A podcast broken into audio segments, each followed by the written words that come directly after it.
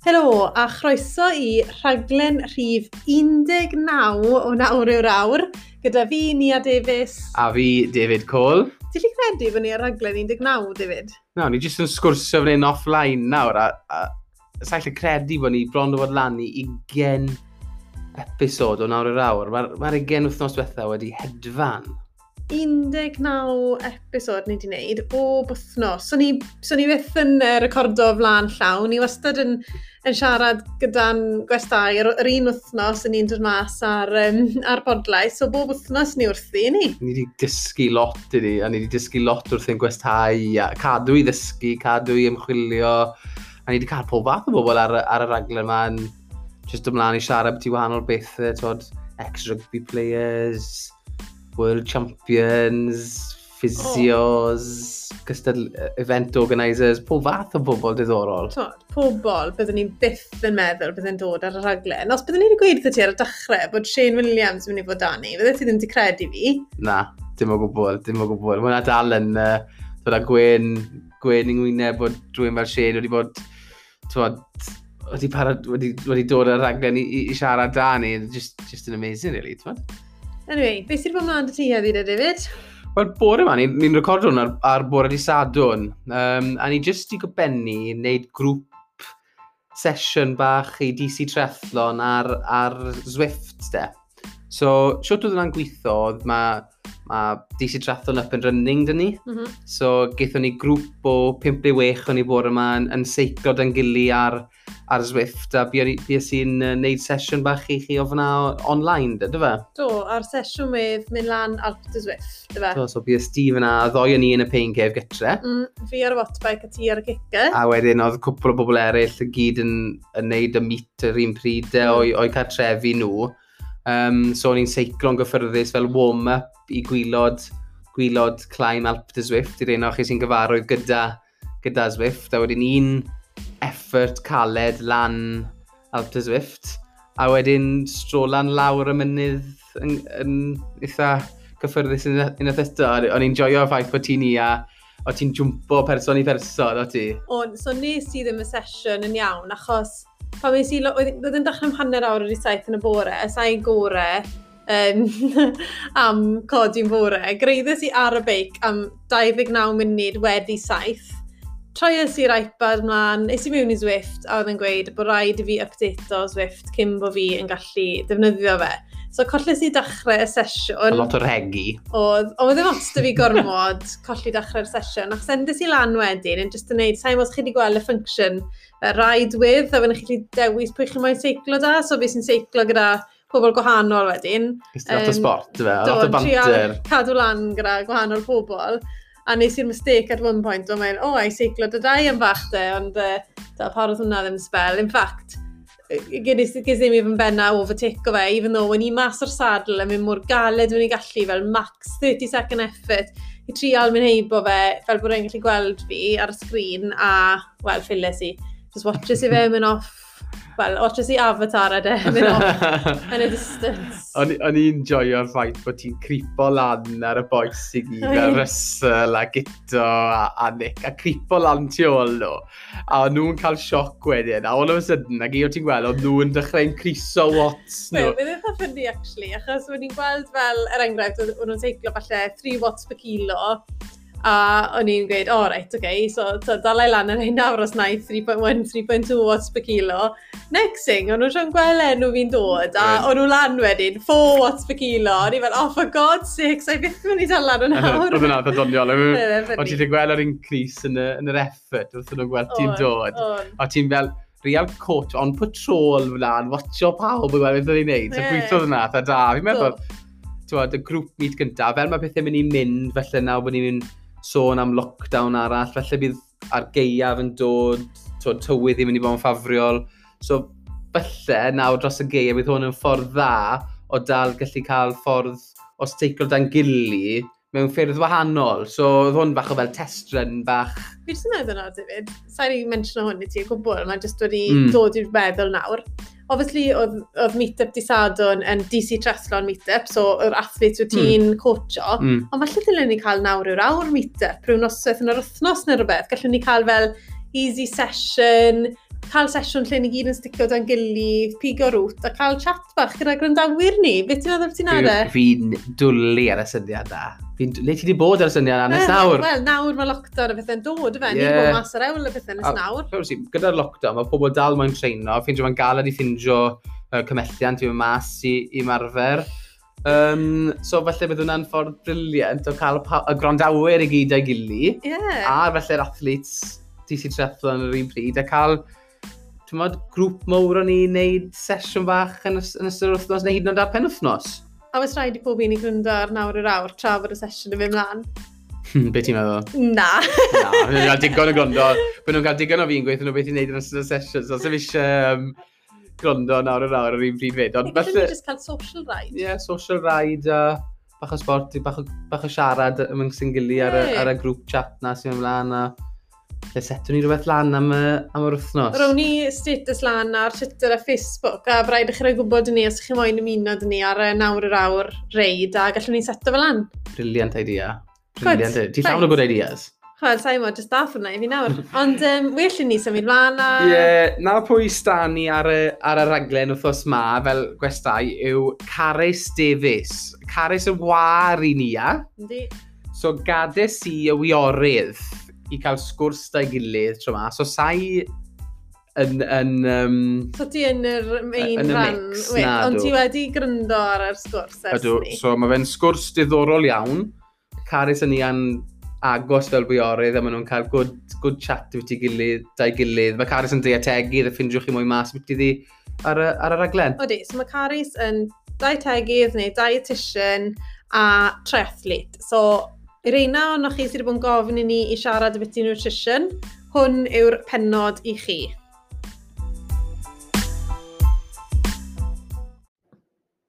So, ar y podlais heddi, mae da ni Caris Davies.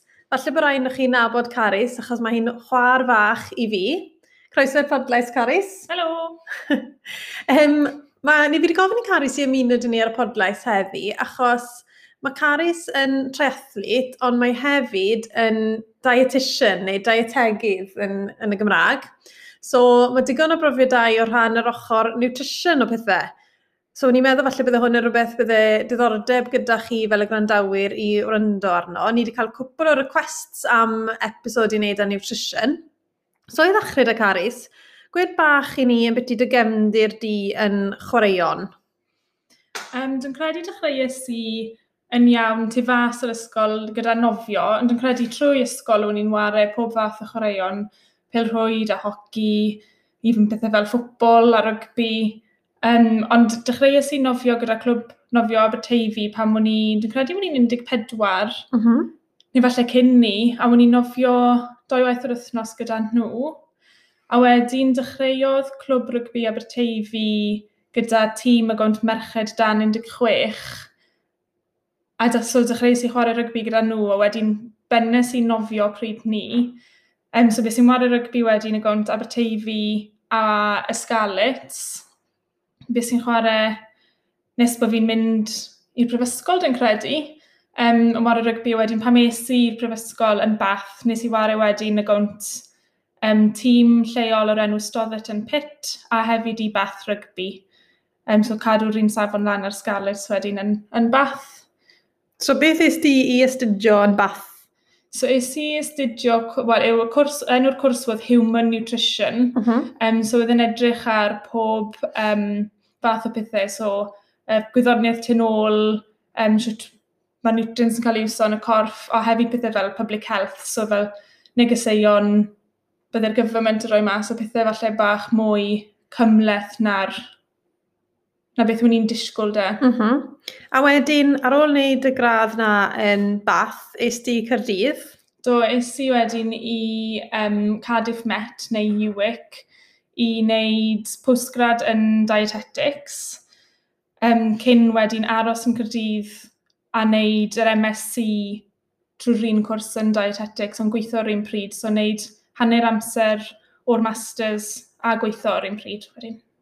So, erbyn nawr, ti'n byw yn Llundain, ti wedi cael cwpl o swyddi mewn gwahanol ysbytau yn Llundain, ond gweithio ni beth wyt ti'n neud ar hyn o bryd?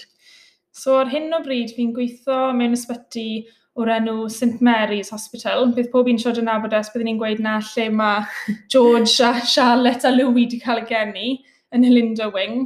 Ond dwi'n gweithio yn y part, um, dim y part private, y part NHS yn yr ysbyty. So mewn um, critical care, so'r unig, yr uned dwys. So gweithio gyda, so yr ne, mwyaf yn patients ni'n gweld yw fel major trauma, so'r un sydd wedi dod mewn, di cwmpo, um, cwmpo ysgolion neu ar building sites, reina sydd wedi bod mewn domeniau car. Mm -hmm. Ni'n neud lot o um, vascular surgery, ni'n cael llwythi o pobl yn dod o Cymru i cael um, triniaeth yn yr ysbyty um, mae gwn vascular yn enwedig. Beth yw vascular? Um, so fel y veins i gyd mm -hmm. a'r arteries. Um, a wedyn ni hefyd yn cael lot o pobl sydd gyda cancer, sy'n cael rhannau o'r bowels di tynnu mas, um, so operations eitha mowr. So ni'n trial gweithio mas wedyn, sio ni'n gallu cael nutrients mewn i'r patients ma. So rhan fwy o'r amser, maen nhw gyd maen nhw gyd gyda, so, wel, maen nhw'n cysgu da, maen nhw mewn yn induced coma, beth byddwn ni'n gweud. Um, so maen nhw gyda um, tube mewn, maen nhw ar ventilators, maen nhw'n sedated. So wrth gwrs, so nhw'n gallu bita wedyn, so ni'n gallu ffeindio ffordd arall i cael y nutrition mewn iddyn nhw. So usually maen nhw'n cael eu bwydo trwy tube sy'n mynd mewn i'r trwy'n lawr cefen y gwddwg mewn i'r bola, neu even yn pellach na'r bola lawr i'r ail rhan o'r small intestine, so'r jejunum, neu os nad i bowels nhw'n gallu yn gweithio, neu so ni'n gallu cael beth byddwn ni'n galw'r absorption yn iawn, wedyn ni'n bwyd yn o straight mewn i'r veins. Waw, oce. Okay. so, na beth yw'r day job, ond yn yr, wel, yn y nosweithi ar y penwthnosau, ti'n treino nawr ar gyfer triathlons. So, pryd dechreuais di troi i'r byd trethlon. So, oedd y cefndir nofio gyda ti, pryd dechreuodd y seiclo rhedeg? Dechreuodd e pan symudus i Llundain, a pam um, o'n i wedi dechrau gweithio i'r trustwy yno nawr, so Imperial College, o'n i goffo trefeili o Streatham i Shepherd's Bush, A o'n i'n dibynnu ar Southern Rail. Mm -hmm. Sa'n fod os cofio pan wedd e, beth yw'n credu tri neu pedwar blwyddyn nôl, wedd nhw'n e ar straic trwy'r amser. so o'n i'n hwyr i gwaith beth i fod bob dydd, neu goff yn mynd codi, cael trein, a cyrraedd gwaith awr, neu doi awr yn gynnar, jyst i'n siŵr bod fi'n cyrraedd na. So, decidus i bod fi'n mynd i cael beic gyda'r Cycle to Work scheme. Mm -hmm. um, so, nes i cael voucher, Cycle to Work, a es i prynu beic o ddim clyw dy fi beth wyn i moyn, a byddwn ni'n joio seiclo, a byddwn ni'n gallu neud e. A so es i i Decathlon, na prynes i beic bach gwyn, a that was it, really. Dwi'n credu dechreuais i seiclo i gwaith, a wwn i'n neud can milltir bob wythnos, so wedi byti 10 miles nôl ymlaen. Um, a wedyn ges i voucher gyda ti a dau yn y doli y gownt y long course weekend. O, oh, na ble dechreuodd e wedyn. Ie, yeah, na pryd dechreuais i wneud mwy na just a commute, de. So, do, pryno ni voucher i ti am y beic, dy fe? Do. A wedyn dyseidus ti hefyd i entro'r nofio a'r rhedeg. so nes ti fel hanner Ironman dros y penwthnos. Do, do, nes i'r unna yn extra, wedyn nhw'n i'n meddwl, why not? Um, pryd oedd hwnna nawr e? 2017, yfe? Ie. Yeah dim blwyddyn diwetha, blwyddyn cyn ni fi'n credu. Yr un blwyddyn na. nes... Na. 2017. Ie, yeah, ie. Yeah. Um, nes di unrhyw events yn arwain lan at hwnna? Fi'n gwybod beth di bach gyda Clapham Chasers fyd, yn fe? Do, ar ôl ni oedd hwnna ddo. O, oh, okay. yeah. So, beth nes di dyn nhw? Nes di rhywbeth o cwrs neu rhywbeth dyn nhw, dy fe? Do, nes i um, within gwneud deg wythnos neu rhywbeth blaw, uh, e, intro to triathlon oedd e, Ewan nhw'n rhoi fel training plan i chi ni bob wythnos a o'n nhw'n neud lot o fel introduction to group cycling, group interval sessions, a wedyn fel social run dyn nhw ar nos lun. So, na, ar ôl y long course weekend, dechreuais di dy Clapham Chasers, a erbyn nawr, mae dau yn cwtio ti. So, so dau ma nawr, sio ma hwnna mynd. A ti'n meddwl mynd yn gwrdd. Um, ti still yn cymwto? Ydw, dwi still yn seiclo i gwaith bob dydd. Mae fe bach llai nawr, dwi'n credu mae fe biti naw, naw a hanner milltir pob ffordd. So fi'n neud bron o fod can milltir ar y beic nôl ymlaen i gwaith. Ond wedyn mae rhywbeth dy fe bob nos.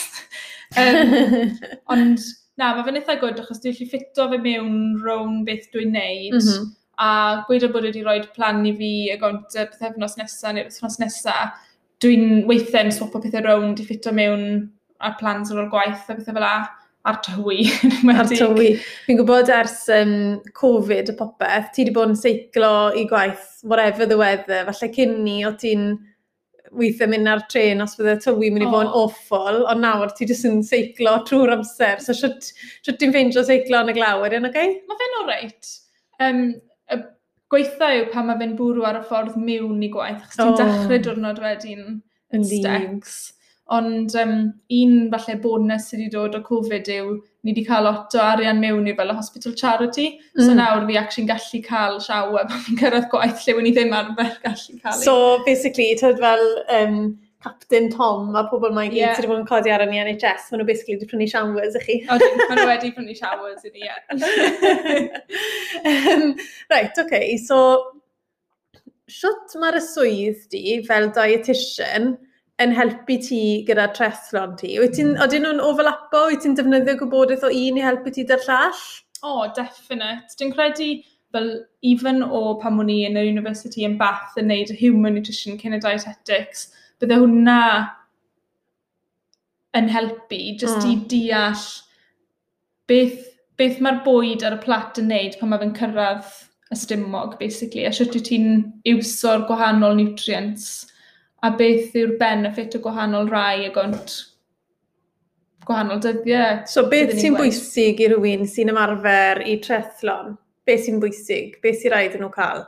Bach o bopeth? Bach o bopeth. Fi'n mynd i gweud yn erbyn Shane Williams, mae ddim cyto mas o carbohydrates byddwn ni'n awgrymu i wneud.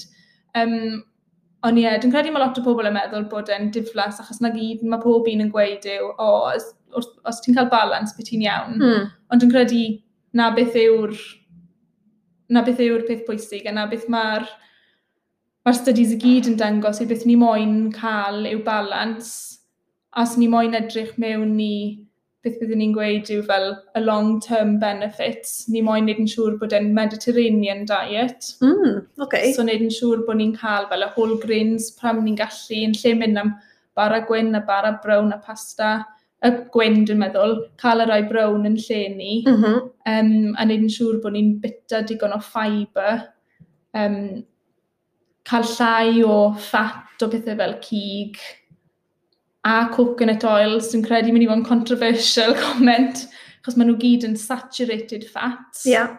A mynd mwy am uh, unsaturated fats, so pethau ti'n cael o fel avocado, seeds, pysgod, sy'n mynd i fod yn well i'r calon a'r vascular system. Oce. Okay. So, wyt ti'n bita de ar ôl ymarfer? Ti wedi bennu sesiwn caled, beth ti'n mynd i bita wedyn? O, mae'n dibynnu ffaint mor hir dwi wedi bod. Fel gweud yn arbo fi wedi bod yn seiclo nôl ymlaen i gwaith, sa'n mynd yn galed iawn, so byddwn ni ddim yn gweud bod fi'n bita pan fi'n dod gytre. Mm -hmm. um, byddwn ni falle'n cael te neu dŵr rôl dod nôl. Yn gweud bod fi wedi bod mas am long run neu rhywbeth. Ie, yeah, fel beth y beth i hard interval session run neu rhywbeth fel la? Byddwn ni fel arfer falle yn cael... Es i trwy ffys cwbl o blynyddoedd yn ôl a byddwn ni'n cael fel milkshake. Mm -hmm. A sa'i di wneud na spell, actually. Ond dwi'n credu pan fi'n dod nôl ar ôl sesiwn caled, weithiau fi'n teimlo bach yn sick, so mae'n galed bita bwyd solid. So, yn credu na pam o'n i'n neud ni. Milkshake, ie. Yeah. Ie, yeah, ond nawr byddwn ni'n cael falle tost gyda peanut butter jam, mm -hmm. neu mhm. peanut butter a banana. Pa mor bwysig yw e i cymeryd bwyd mewn ar ôl sesiwn galed? A oh. pwy fath o bwyd bydde ti'n gweud dyle pobl fod yn troi eto? Byddwn ni'n gweud... Wel, mae fe'n bwysig, mm. yn wedi mhm. os chi wedi gwneud sesiwn caled, mm -hmm. os chi wedi bod mas yn cerdded y cu neu mas am um, easy run wedyn falle ddim mor bwysig. Yeah. Ond byddwn ni'n gweud bod e'n bwysig cael good foundation o carbohydrates a bach o protein a benne. So, so mae pob un yn gweud, right, ti'n benni treino, protein, protein, protein, dim hwnna yn necessarily ffordd gore. Na, os, yn wedi os ti'n golygu treino fori to neu heno yeah. ar ôl ni, yeah. ti moyn repleto'r carbohydrate stores ti di iwso muscles ti. Mm -hmm A wedyn ti moyn bach o protein wedyn i dechrau y repair proses. So mae lot o bobl yn gweud ti'n gallu cael just carbohydrates, ond ti'n gweld bod y recovery lot well os ti'n cael combination o'r ddoi. Mm -hmm. so, so eto, ni ôl ar y balance to, yeah. really. Ond so ti'n moyn llwythi o protein er, er, yn y recovery, so os ti'n meddwl yn byty siwt mae corff ti ac sy'n gallu cymeryd mewn protein a defnyddio fe, mae lot o bobl yn beth byddwn ni'n gweud yn cael expensive we. so, os na ydy'r corff yn gallu iwso fe, ti jyst mynd i paso fe. Mm -hmm. A mae pawb yn gwahanol, yn byddwn ni'n gweud rule of thumb, sy'n eisiau lot mwy na 2 grams per kilogram ar rhywun yn ystod y dydd. Ond wedyn mae'n rhaid ti bod yn ofalus fed, so ti jyst allu bita, gweud o fy rhywun yn 60 kilos, 120 grams mewn un go, mae hwnna'n llwythi. a mae fel um, protein metabolism, beth byddwn ni'n gweud, um, fel protein synthesis. So hwnna yw'r proses lle mae'r amino acids, so amino acids yw beth mae proteins wedi cael i build o lano, so fel the building blocks of a protein. I fod yn gallu stimulate o protein synthesis, mae rhaid i ti cael certain amount o protein. Mm -hmm. Ond wedyn os ti'n mynd y ben threshold na o beth ti'n gallu actually utilise o, Wedyn, ti jyst mynd i colli'r proteins na. So, ti jyst mynd i bita loads, os so ti'n mynd i cael dim benefit mas na fe? Na, so ti moyn fel stagro fe mas trwy'r dydd, cael bach o protein gyda brecwast, bach gyda cynno a yn y nos. So wedyn os ti'n neud lot o treino, mae eisiau fel yr upper end arno ti o beth byddwn ni'n gweud i'r requirements, wedyn byddai ti'n includio fe yn snacks fyd trwy'r dydd. So siarad beth i protein yn awyr yn caris. Faint o protein os o gwbl, dylen ni fod yn cymeryd yn ystod ymarfer. Ond mae'n dibynnu ar pwy fath o ymarfer chi'n neud to. So, mm. os chi'n um, neud fel event mowr, fel y Ironman, fel example, neu hanner Ironman, wedyn mae rhai evidence yn dangos os chi'n cymeryd tymau bach o protein pob awr gyda'r carbohydrate chi'n mynd i iwso, um, bod e'n gallu helpu um, fel slywo lawr y muscle damage, yn sym yr evidence yn fawr iawn, ond os, os ni'n mynd nôl i rhywun sy'n byty 60 o kilos, mae hwnna'n gweithio mas fel 15 grams an hour. Un peth arall fi mae'n gofyn ti, ti'n siarad fyna bod ti Iron Man, pa mor bwysig yw y bwyd ti'n byta yn noswaith cyn y ras? Achos o beth ni wedi gweld, i ni'n tepro. So os ti'n mynd i byta mynydd o pasta, ti jyst mynd i fod yn drwm y dydd ar ôl ni. Um, so pa, paint o fel prelodo wyt ti actually'n gallu wneud cyn ras? Dwi'n credu y doi diwrnod cyn ni sy'n mwyaf bwysig. Mm -hmm. A so chi moyn mynd dros y top. Na. A so chi moyn bita bethau, so chi'n so chi arfer bita yn y diwrnod yna chwaith. Fi'n credu... Sorry. Be sy, um, be sy yn bwysig yw bod chi'n edrych ar y numbers. Bod chi moyn wneud yn siŵr bod chi'n cael y grams o carbohydrates yn iawn, bod chi ddim yn cael gormod o ffat gyda'r carbohydrate na, mae hwnna'n gallu ypsato stymog um, yn enwedig cyn event mawr fel la. Um, So, just dim gormod, bydde ti'n gweud, just cael y balance yn iawn. Sym eisiau pizza, pasta a reis yna ti, nos oes cyn ras. Dyna di beth sy'n bwysig i gwybod yw. So, gweda nawr fel neithwr, gatho ni pryd o bwyd cyn byddu saith o'r gloch, oh. a wedyn bito ni dim byd wedyn nes bore yma 8, 8 o'r gloch y bore. So, mae hwnna byddu 20 awr o beth byddwn ni'n gweud fast. Mm -hmm. So, yn ystod yr amser na, mae'r liver yn torri lawr y carbohydrate mae fe wedi storo, ac o'n cadw ble glwcws chi'n iawn trwy'r nos. So, erbyn y bore, fel arfer, chi'n deplete o'r glycogen stores sy'n yn y liver. Beth ni moyn wneud yw wneud yn siŵr bod hwnna'n llawn. Mm -hmm. A byddwn ni'n gobeithio byddai'r glycogen stores yn y muscles dal na gan bod chi wedi bod yn teipro. Mm -hmm.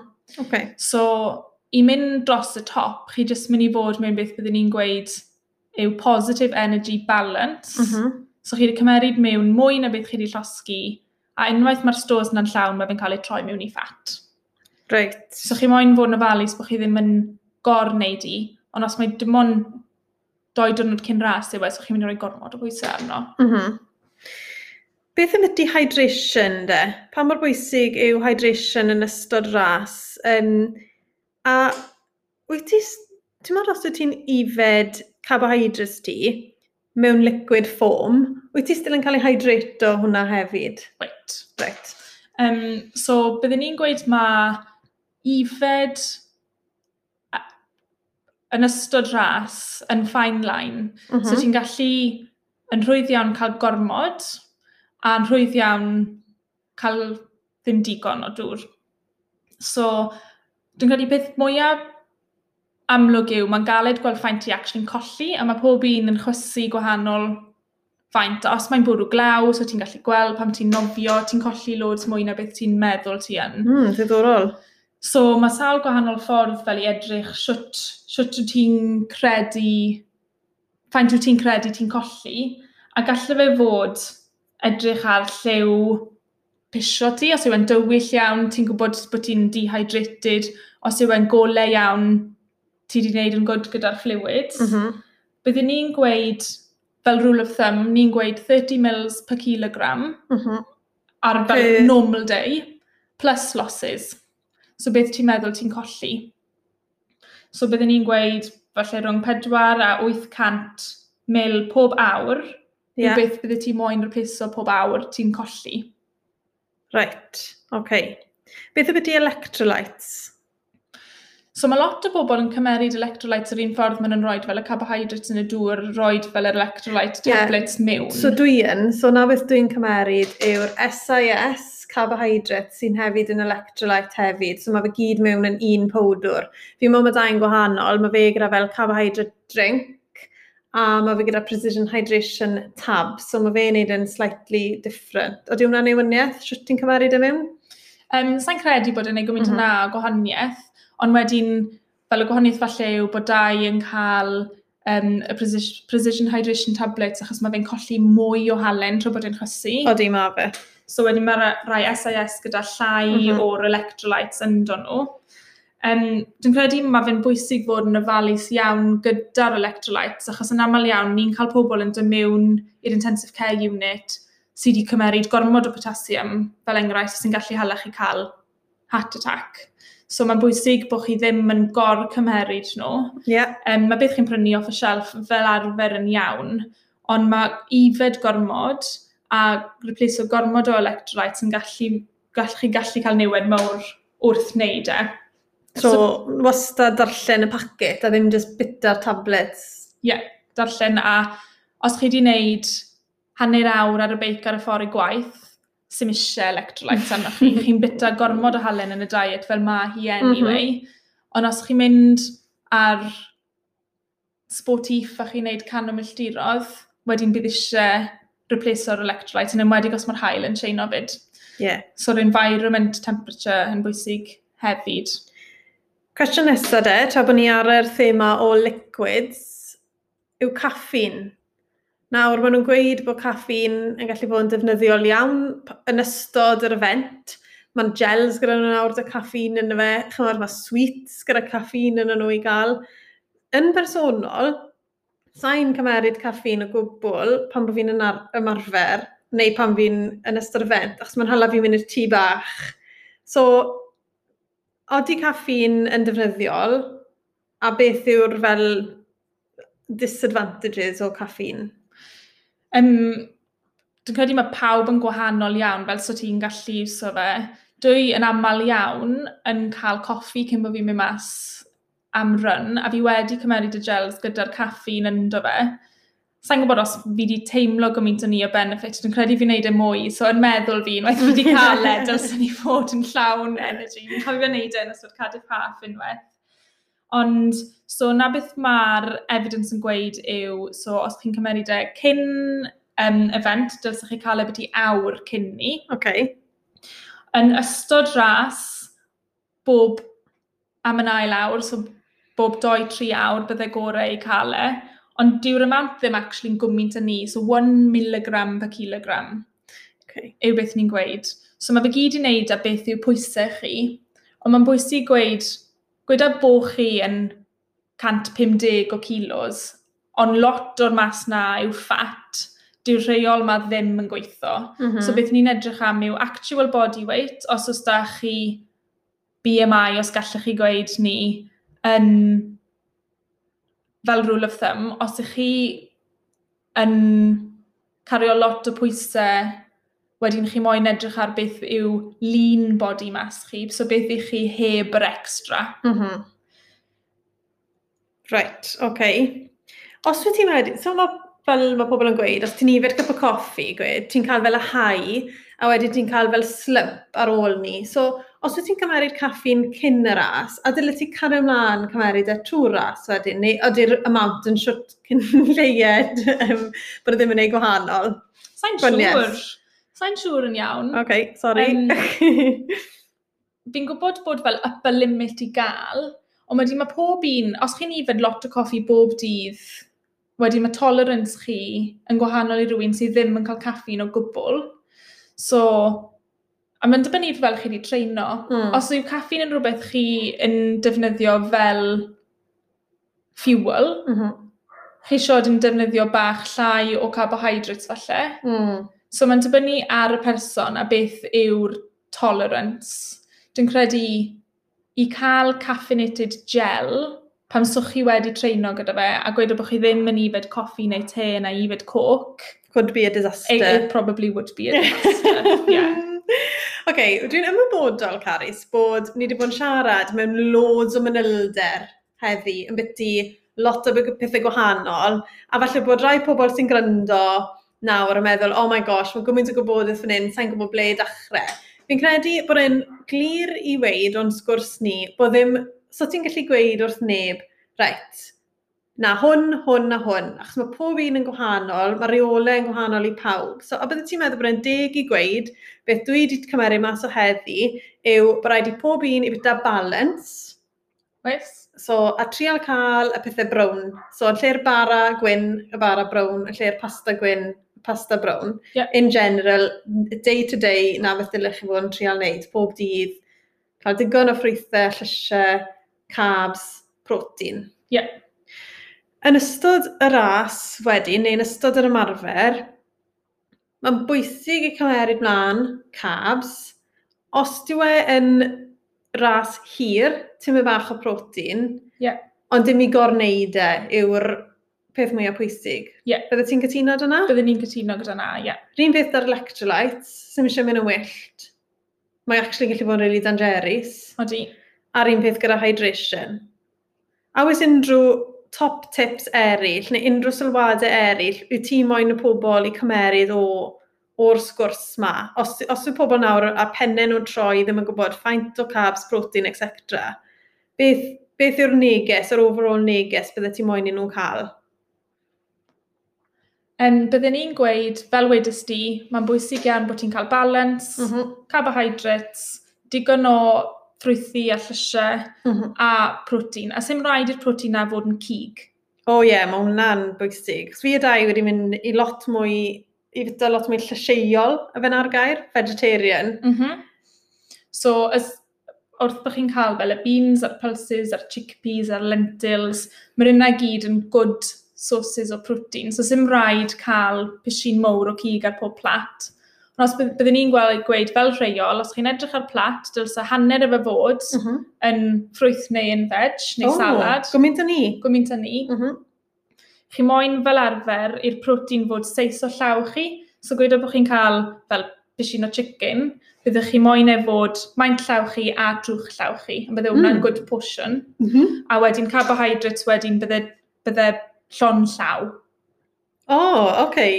Ond wedyn mae'r maint mynd i dibynnu ar ffaint o treino chi hefyd yn neud. Ie, yeah, so be flexible, iwswch lan loft. Os oes diwrnod mwr dych chi, bitwch mwy o carbs. Os chi'n da rest day, wel, e, os diw rest day ar ôl diwrnod mwr, falle bod still eisiau eitha lot o carbs arno ti. Ond os ti'n cael falle recovery week, wedyn sy'n eisiau... Slow a lawr. slowo lawr ar y car. um, Oes unrhyw beth ti'n gweud y pobl i osgoi, wedi wedi mentiono'r coconut oil gynne. Mae pob un yn meddwl bod coconut oil yn really iach. Dwi'n credu y problem yw, mae pobl yn gweld bod yn dod o ffrwyth, uh -huh. so ti'n meddwl gallu ti cael faint chi am ohono fe. Yeah. Ond os chi'n mynd i cymharu beth yw'r oil neu'r ffat, fel ar papur yn scientifically, mae fe'r un peth, un fath o ffat bydde ti'n cael o nifel, so gallu ti cymaru fe gyda lad neu menyn. Ond dwi'n credu beth sy'n digwydd yw, achos chi'n meddwl bod e'n dod o rhywbeth sy'n iachus, mm -hmm. chi jyst yn iwso mwy. Mm. Os chi'n moyn iwso tyma bach na fe, iawn. Mm. Beth fi'n iwso yw rapeseed oil. Mm -hmm. A hwnna yw just vegetable oil? Ie, yeah. yeah. so chi'n lli talu beth i 10 pent y botel yn Tesco am rapeseed oil. Neu os chi'n edrych ar y rhai chep sydd jyst yn gweud vegetable oil, trwch y rownd, mae fe fel arfer yn gweud 100% rapeseed. Mm, so top tip fyna, sy'n eisiau chi hala ffortiwn ar coconut oil na rapeseed oil, gallwch chi jyst prynu'r vegetable oil achos mae'n gwneud rhywun peth. Cardis. Cardis, ie. OK, right. Cym bod ti'n mynd e, Caris? Tri cwestiwn i ni'n gofyn i pob un.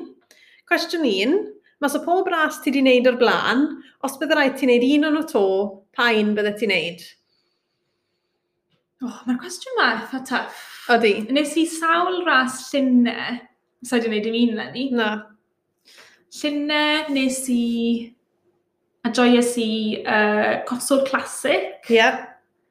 A nes i y Cardiff Trai. Mhm. Mm arall nes i dweud? O, nes i Tho Park Triathlon. Oedd hwnna'n gwrdd os ydych chi'n cael um, free access i'r reids ar ôl ni. so oedd yr adrenaline rush lan a lawr diwrnod ni roedd yeah. mas ar reids. Di Sean sic do na, Sean? O, sa'n gael i'n sic. Dwi'n meddwl yn mynd ar y reids na ôl y gels. Oh my god. um, Dwi'n credu bydd y rhaid i fi gweud cotsol classic, Mae fe'n event really gyfeillgar, na di e? Athyn ni'r llyn diwrnod cyn ni, jyst i fel syso mas y llyn ble byddwn ni'n mynd ar beics a... Gyddoch chi rowd ar fenyw? Na, oedd greu, oedd greu am na. o, oh, yr un chi sydd ddim wedi gwneud y Cotswolds Classic, sy'n hawl ydych chi'n nofio yn y llyn, ond i bai am dyrnod y ras. O, oedd e'r agor. A wedyn, um, wedyn pan o'n i na, oedd o'n i ddim yn gwybod hwn, a wedyn i gyd wedi rhoi wetsuits ni mlaen, i mynd mewn i'r llyn, a oedd y fenyw sy'n fi ar llyn, a'r cwch ar y llyn, just yn, yn zoom o rownd. Os chi'n fel, na, na sio dwi'n gweld hi yn meddwl fi, fel rhyw fath o Miss Trunchbull, yn fel zoom o rownd, a fel rhoi rownd i gyd allan i mas o'r llyn, ond sori. So, falle Cotswold, dwi'n ateb ti hwnna? Ie, yeah, fi'n credu ni. Oedd e'n flat, dwi'n joio, joio flat. yeah. A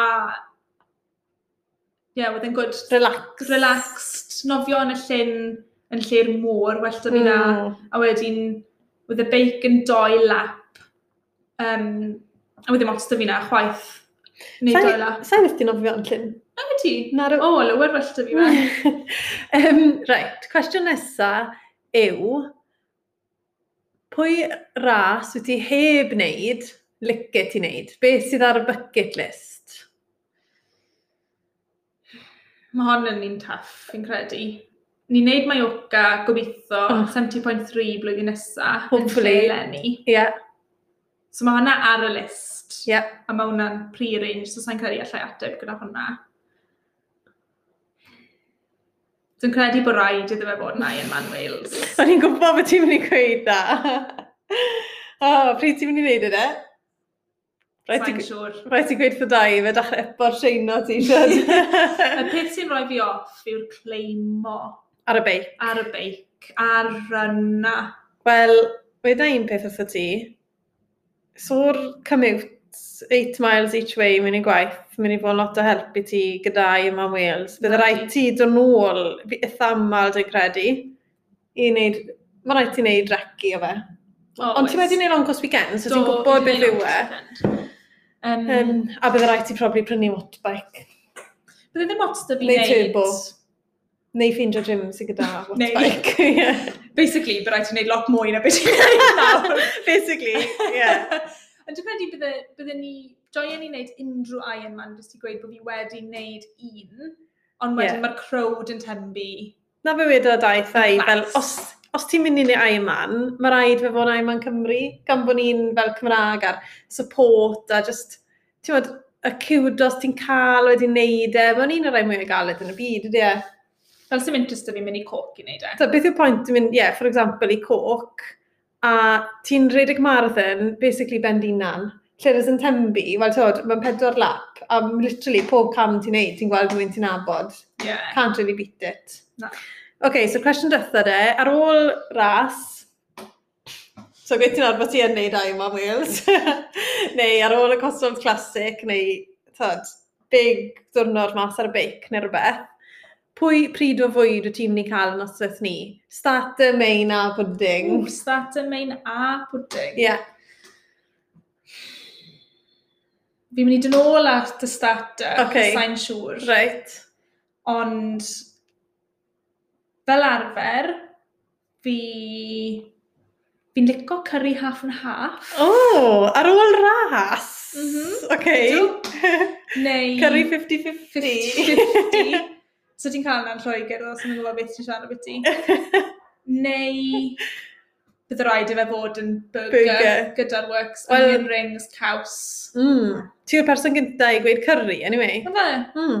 Dwi'n credu ddo, just fi'n joio'r half and half. Ie, yeah, halen ar y chips. Ie. Yeah. Pop o Papadon.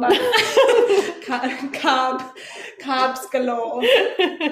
a wedyn pudding. Falle ddim ar ôl y curry, ar ôl y burger mwy fel. Byddwn ni'n lico treacle sponge. Ac oh my god, oce. Okay. O, hwn yn drwm. Drwm, Ond mae hwn, mae'r event yn ei fyny yn y prynawn, mae hwn yn y nos. Ie, oce, oce, oce joio ni weld ti fel Curry, chips, reis, bopperom, nan, bread. wedyn... Onion bag. Ie. Hwna'r starter, fyna. Oh, a wedyn, fi treacle sponge a custard. Lyflu. Any, any, unrhyw beth am starter? Can o coke rhywbeth? Mae'r sawl person wedi gweud na. Na, sa'n credu bydden ni. mm. mm. bydden ni ddim yn gwe bynnu ras yn mynd am can o co. Beth ys bydde ti'n ifed gyda'r pryd ma o'r e? Peint. Lager, falle. Ie, yeah, lovely. Yeah. Lager. Ah, good. Oce, okay, wel diolch am, uh, am helpu ni a'r gwybodaeth na i gyd os wes unrhyw un mas fan nawr yn gryndo ar hwn, a maen nhw da unrhyw specific questions yn beth nutrition, gallwn ni cael caris mlaen to, gallwn ni wneud y dros Zoom, mae da fi fan hyn yn Aberteifi ar y funud, ond gallwn ni wneud episod arall gyda unrhyw specific cwestiynau sydd gyda chi. So os wes unrhyw beth, wedyn rhowch gwybod, halwch e-bost i ni nawr i'r awr at hotmail.com.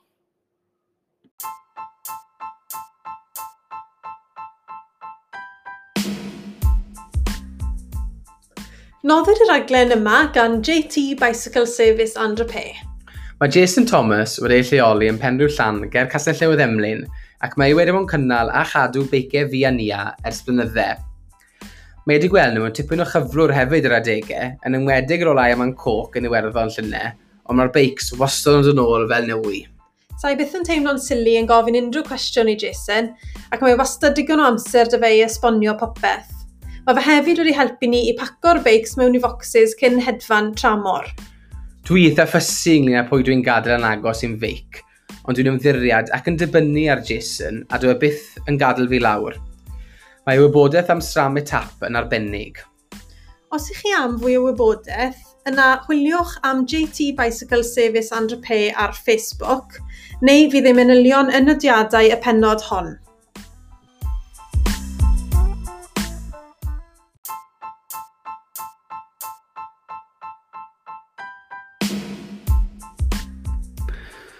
Sonia, siwt joies di cael sgwrs dad y war?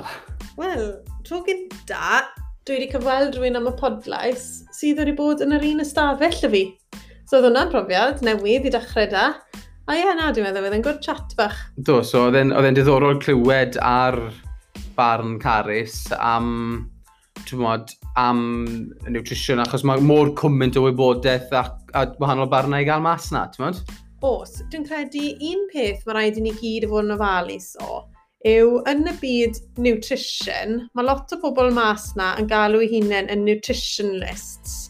Maen nhw wedi wneud free online course neu cheap online course a all of a sudden maen nhw'n nutrition experts. Ond so na necessarily yn gywir, chymod, mae rhywun fel Caris wedi gwneud gradda masters cyn bod nhw'n gallu rhoi cyngor i bobl. So newch yn siŵr os ych chi'n cymeryd cyngor wrth unrhyw un i wneud â nutrition, bod chi'n wneud e gyda'r person cywir sy'n qualified. Ie, yeah, mae'n pwynt da. Beth dath traws na ar ôl gwrando nôl ar naw, mae pawb yn wahanol. Dwi e ddim mor hawdd ag jyst gweud bod ti'n gallu cael one nutrition plan i ffito pawb. Os mae nutrition plan felly sydd eisiau na i, yn i fod yn gwbl wahanol i'r nutrition plan sydd eisiau no ti ni a. Definitely. Dim just o ran y quantity, ond hefyd o ran mo, beth a pryd, yfe? Mae un peth sy'n siwto un person ddim yn siwto person arall, er enghraifft fi a caffin. A, ie, yeah. a mae mor gymaint o ffactorau wahanol yn dod mewn i'r sefyllfa. Faint ti'n ymarfer, hmm. beth sy'n cytuno dar bola, fel ti'n gwybod ti caffin. So, so caffin yn cytuno dy ti, ond gyda fi, fi'n fi digon gyffyrddus cael coffi cyn, cyn ras a, a, a, a, yn y blaen, ti'n modd? Ond mm. yn y ddoro, just so balance yw e fe. Balance. O, na gyd, to, we loads o gwybodaeth yn y podlais na, ond os chi'n cymeryd un neges ohoni, balance, fi'n yeah. credu yw'r ateb. Byddwch yn gall, to, treiwch wahanol pethau, mm. a felly dewch chi gros rhywbeth sy'n reili yn gweithio, gweithio i chi, ond um, Ie, mae fe'n topic diddorol, a falle yn y dyfodol gewn ni sgwrs ni a, o byti siwt i ni yn, yn, yn, yn paratoi am ras, beth i ni'n byta yn gyffredinol, a siwt i ni yn ffiwlo am Ironman neu hanner Ironman, achos yeah. mae lot o bobl yn gofyn am naw. Felly mae hwnna'n rhaglen yn un, ti'n meddwl? Ie, yeah, falle yr, yr penod mae yw'r theori, a wedyn falle gewn ni penod arall o'r practical. Gwyd idea. Good idea. Fi'n llawn good idea, Sally.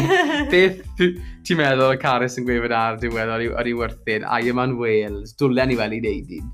Dwlen i weld i wneud un. Um, Wel, falle bu Caris ddim yn hapus yn clywed fi'n gweud hwn, ond ar y funud sa'n gweld i'n neud un. Mae'n fysi iawn dda gwaith.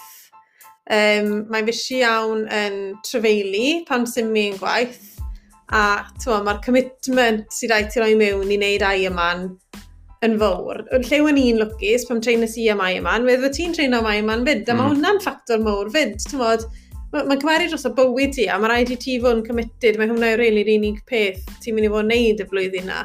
Mae fe'n, fel wedys ti, o ti fyna yn neud Ironman gynta, tebyg, os o ti a Caris yn dechrau o lle eitha tebyg mm. o ran eich ffitrwydd a bethau fel a, a'ch cefndir. Ie. Yeah.